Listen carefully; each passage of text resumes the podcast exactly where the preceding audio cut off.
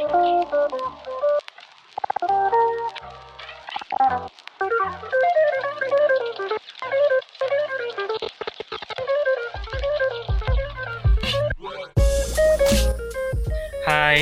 Apa kabar? uh, di sini dengan saya Dani bersama Airin. Jadi di sini kita akan membahas putar kamera. Sebelum kita mulai membahas kamera, pertama kita akan memperkenalkan diri kami sendiri nih. Dipersilakan Airin untuk memperkenalkan dirinya. Oke, jadi nama panjang aku Irene Delia, asal aku dari Jakarta, jurusannya Ekonomi Pembangunan. Nah, kalau Dani sendiri gimana nih? Uh, kalau nama panjang aku itu Syahria Madani, aku biasa dipanggil Dani. Dan aku asal dari Depok. Untuk jurusan aku sendiri itu adalah akuntansi publik. Nah, gimana Rin kabar perkuliahan kamu? Nah, kalau untuk kabar perkuliahan aku sih, untuk hari ini sih cukup sibuk gitu sih. Selain ada TPB, terus ada mentoring PKPM, kita juga tadi kan ada UTS PKN ya kalau nggak salah. Iya, betul. Nah, kalau aku sendiri sih, aku hari ini cuma ngurusin PKPM yang podcast kan, yang kita bikin sekarang ini nih. Dan terus juga paling aku cuma UTS sama yaitu uh, soal Jumat doang sih paling itu ya. Nah, sebelum kita membahas tentang seputar kamera, aku pengen tahu nih, apa sih alasannya kenapa Airin sendiri ini bisa suka sama kamera? Nah, Boleh nggak aku boleh tahu? Kalau aku sendiri nih suka kamera itu karena menurut aku itu kamera itu adalah sudut pandang Di mana setiap sudut pandang orang antara aku dan kamu pun bisa berbeda Jadi menurut bisa aja nih menurut aku bagus, menurut kamu B aja Tapi itu semua balik lagi sih ke diri kita gimana nanggepinnya Dan ini bakal berlaku banget nih di kehidupan kita itu menurut kamu. Jadi kalau menurut kamu tuh kayak uh, kamera itu kayak lebih kayak sudut pandang seseorang. Nah kalau menurut aku sendiri nih kalau misalnya kamera itu itu adalah bagaimana cara seseorang mengekspresikan dirinya akan suatu objek sih kalau itu kalau menurut aku. Nah kalau kamu sendiri nih kan dari kamera Kamu lebih suka fotografi atau videografi sih? nah kalau aku aku sih jujur ya kalau aku lebih suka videografi. Karena uh, soalnya aku be- begitu kurang lihai dengan namanya still object aku lebih suka bermain dengan objek yang bergerak objek yang hidup yang lebih nyata. Tapi tidak menutup kemungkinan kalau aku juga suka sama fotografi. Kalau Airin lebih Ah. prefer yang mana? Kalau aku sendiri sih aku lebih suka ke fotografi, tapi nggak menutup kemungkinan juga sama kayak kamu nih, kita bisa dua-duanya. Kalau aku lebih suka fotografi karena menurut aku sih lebih simpel ya, cuman kita tinggal atur angle, kita ngatur semuanya di kamera itu, dan kita bakal bisa ngasilin foto yang terbaik. Uh, kamu kan uh, condong ke lebih condong ke fotografi aku lebih condong ke videografi nih nah menurut kamu ya Hmm. mana yang lebih mempengaruhi gear kamu atau skill kamu dalam dunia fotografi Kalau menurut aku sih itu skillnya sih, karena percuma juga kalau misalnya kita punya alat gear yang mahal, tapi kalau misalkan kita nggak bisa aplikasiinnya, kita nggak tahu konsep utamanya, ya sama aja bohong dong. Kalau kamu sendiri gimana nih Dan? Aku setuju banget sama pendapat kamu tentang di mana tuh skill adalah segalanya dan gear hanyalah pelengkap dari uh, keahlian kita ini. Karena kalau misalnya kita nggak tahu nih basic-basic dasarnya kan uh, kalian-kalian dasarnya tentang kita bagaimana cara gunain kamera kita gimana cara mainin ISO mainin uh, vokal vokal length dan sebagainya. Gitu. Tapi menurut kamu nih, kan biasanya nih kan, apalagi sekarang udah ada handphone, di mana handphone itu kameranya udah bagus-bagus dong ya zaman sekarang. Menurut kamu, kira-kira fotografer bakal diterima nggak sih? diterima kok karena uh, zaman sekarang tuh kita nggak begitu melihat gear apa yang kita pakai tapi apa yang kita bisa hasilkan dengan gear tersebut Nah, bener banget tuh. Nah, kalau menurut kamu nih, prioritas diri yang diperlukan untuk video dan foto tuh kayak gimana sih? Kalau misalnya untuk fotografi ya aku lebih bermain uh, dia tuh bermain untuk di lensa.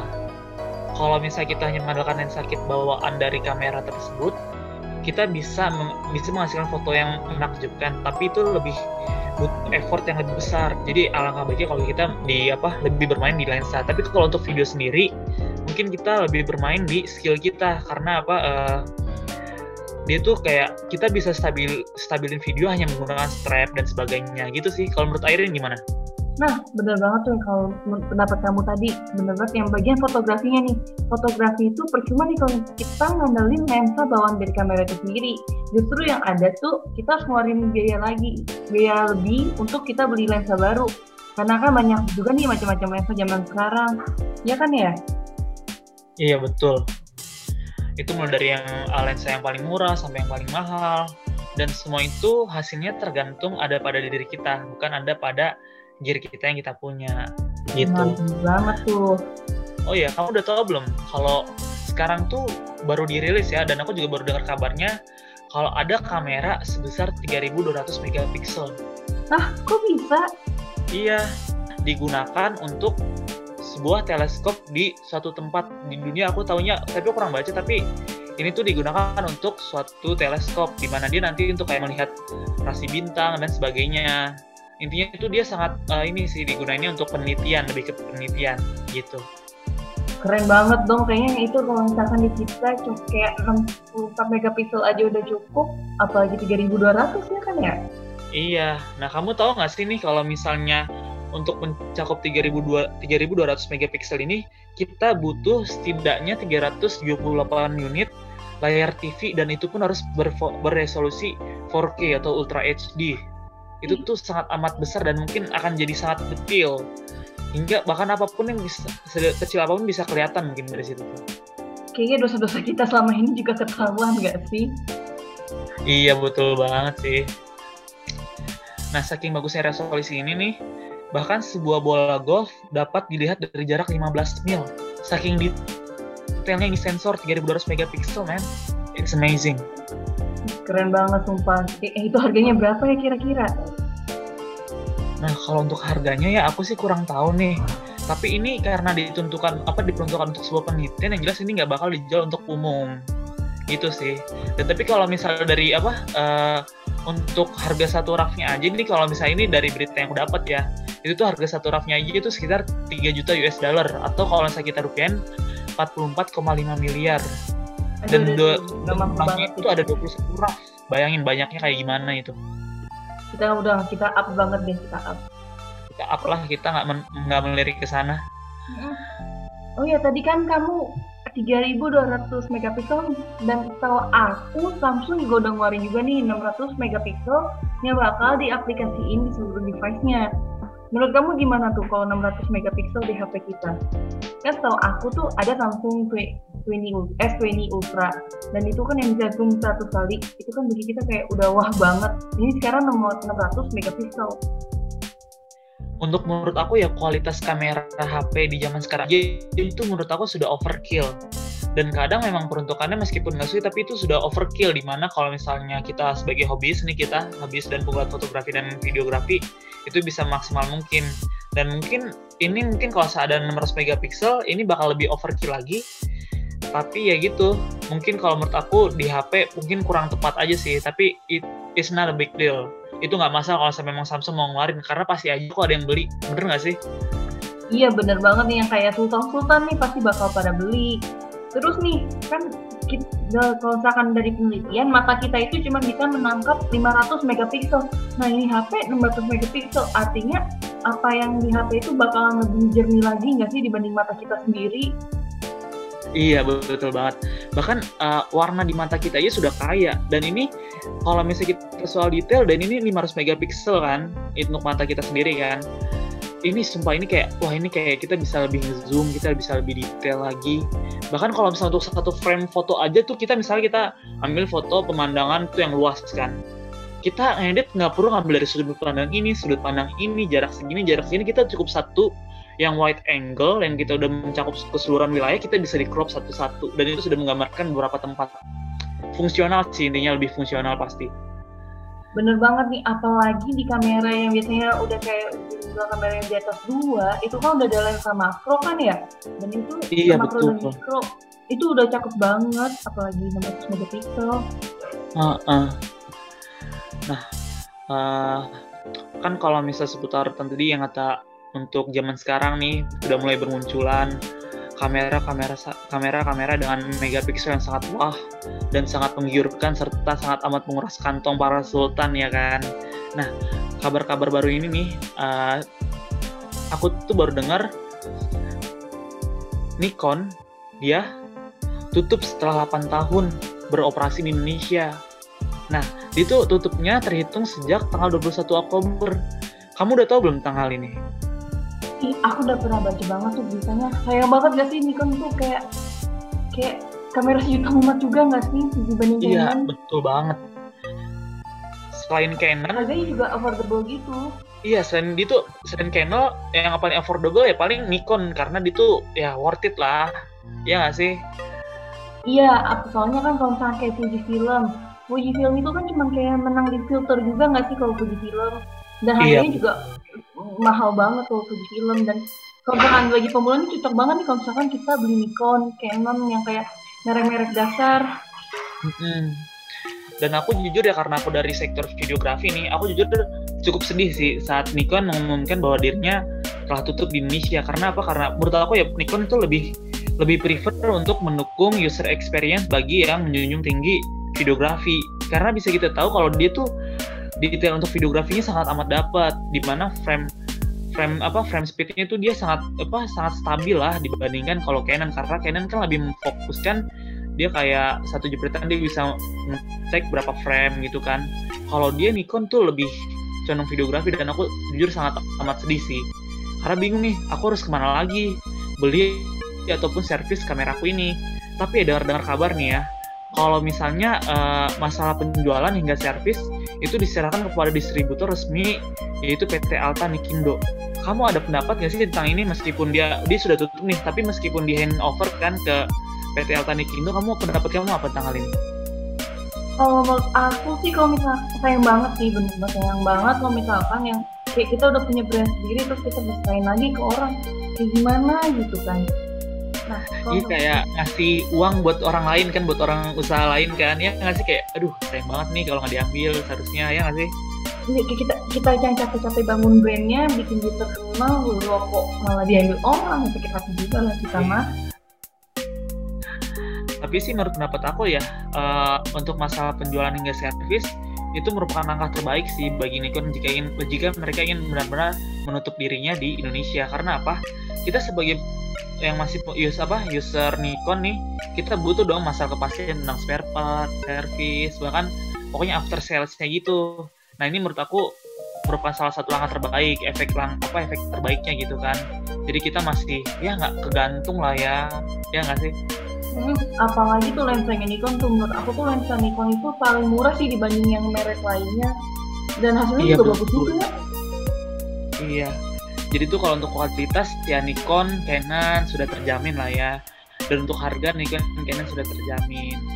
Nah, overall nih pengalaman kamu pakai kamera apa sih yang paling bikin kamu hectic gitu? Ada nggak sih? Aw, jujur aja sih awal-awal aku pakai kamera tuh kayak kagok nggak sih kayak kita harus ngafalin ISO, cara atur ISO, aperture segala macam. Kayak kagok nggak sih kayak kita harus cari cahaya juga. Iya. Nah, kamu kalau kamu sendiri nih pertama kali megang kamera di umur berapa? Aku pertama kali megang kamera tuh sebenarnya sebuah tragedi sih karena aku dulu dihipnotis HP aku ditukar sama daminya kamera. Nah dari situ aku mulai kayak ini kamera kok lucu ya. Ya udah akhirnya dan diam-diam aku pelajarin juga sih. Kalau kamu sendiri gimana nih Dan? Kalau aku nih, aku jujur ya, kalau aku tuh baru banget megang kamera pas di kelas 11 dan itu pun karena keterpaksaan aku jadi eh, ini apa jadi dokumentasi kan dokumentasi suatu kegiatan. Dan itu kayak aku baru benar-benar kenal namanya oh ini tuh ISO ini buat atur eh, apa vokalnya dan ini oh ternyata tuh buat ring fokus tuh ini. Dan itu kan ring fokus aja kan aku nggak tahu itu memalukan banget sih pertama apa first experience aku tentang kamera. Tapi dari situ aku bisa belajar dan dari, situ juga aku bisa mulai menghasilkan uang.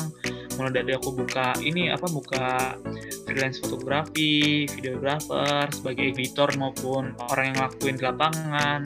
Sangat berguna sih pengalaman aku sejauh ini Nah, kamu suka nggak sih kalau misalkan pakai kamera tuh full frame gitu? Kan kadang ada yang suka nih, kalau misalkan apalagi kamera HP kalau full frame, orang yang di pojokan tuh katanya bisa jadi kelihatan lebih, ya you know lah.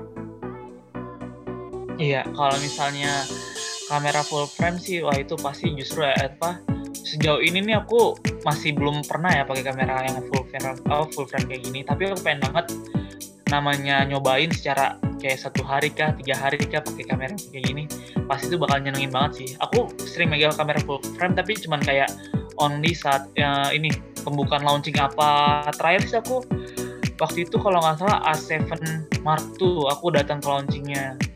Itu di itu sih tertutup jadi hanya kayak undangan-undangan aja yang boleh datang dan itu kita sudah daftarin diri gitu kan. Tapi selama ini pengen banget sih pengen banget punya juga. Eh kamera apa tuh yang harganya 50 jutaan tuh? Gila sih tuh. Uh, cuman buat oh, iya. doang 50 yang juta. baru launching itu kan? Hmm, badinya doang 50 juta. Aduh itu itu Sony A7S Mark III dan itu sangat amat mahal 52 jutaan sih kalau nggak salah. Wah itu overkill parah. Pasti hasilnya bukan main sih. Kayak David David oh, Gadget aja udah make gitu loh buat nge-review HP-HP-nya dia. Iya.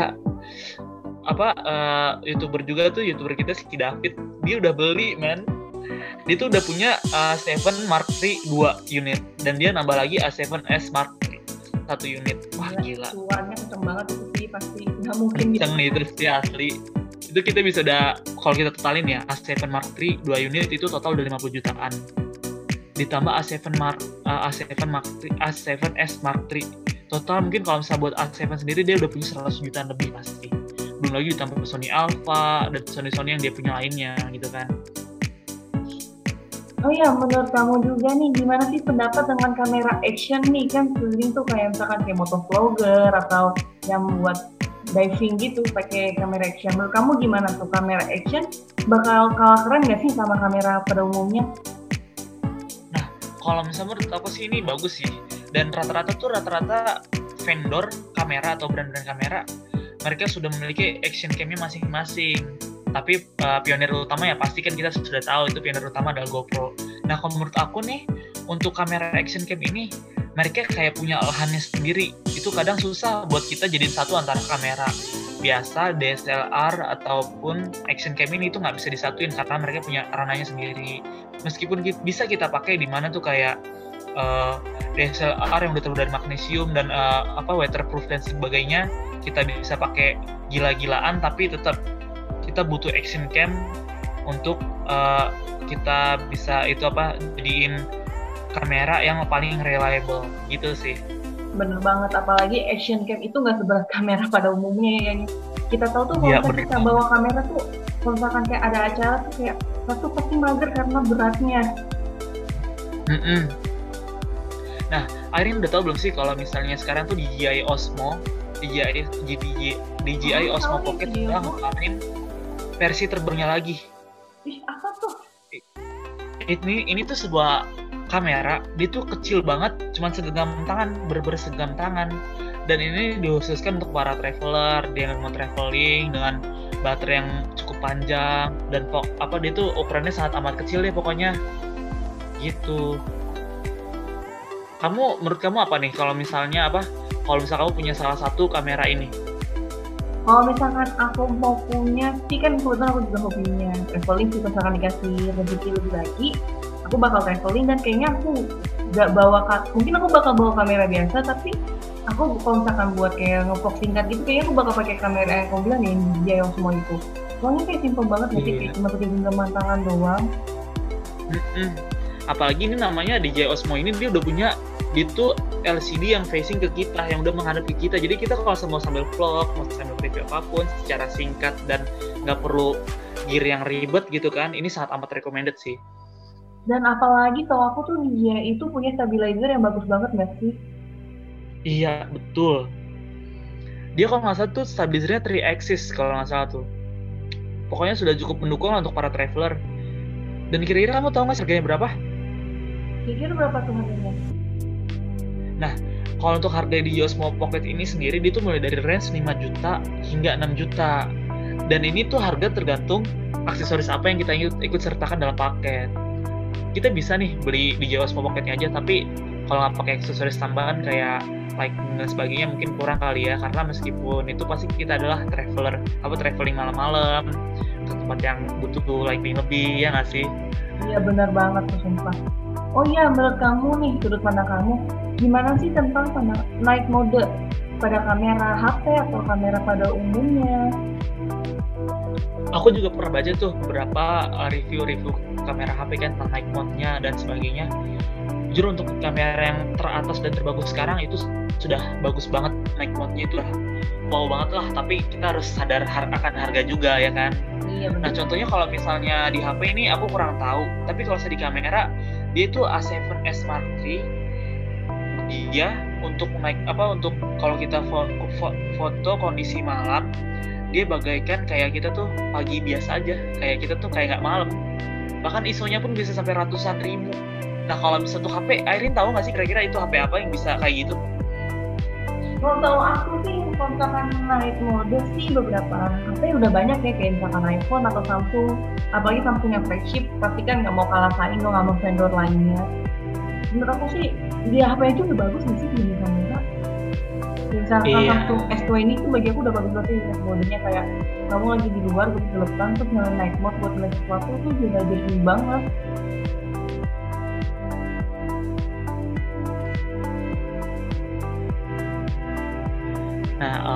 Kira-kira mungkin segini dulu kali ya podcast dari kita. Thanks banget nih kita udah sharing-sharing ya kan. Hmm, bener banget. udah banyak hal yang aku nggak tahu gitu kan dan kamu juga jadi tahu dan sebagainya. Nah kamu kira-kira bisa simpulin gak sih podcast dari kita ini itu apa? Jadi itu menurut aku sih kesimpulannya yang terpenting itu adalah yang penting itu skillnya bukan gearnya. Baru kalau misalkan, betul kalau misalkan kita udah punya skill yang mumpuni, rezeki yang mumpuni juga, baru deh kita gear yang mumpuni biar hasilnya lebih maksimal. Hmm. Oke deh, kalau terima kasih Airin atas kesimpulannya. Kalau gitu saya pamit undur diri, saya Dani. Dan aku Irin, Oke, see you next time di podcast selanjutnya. Bye-bye. bye. Good night.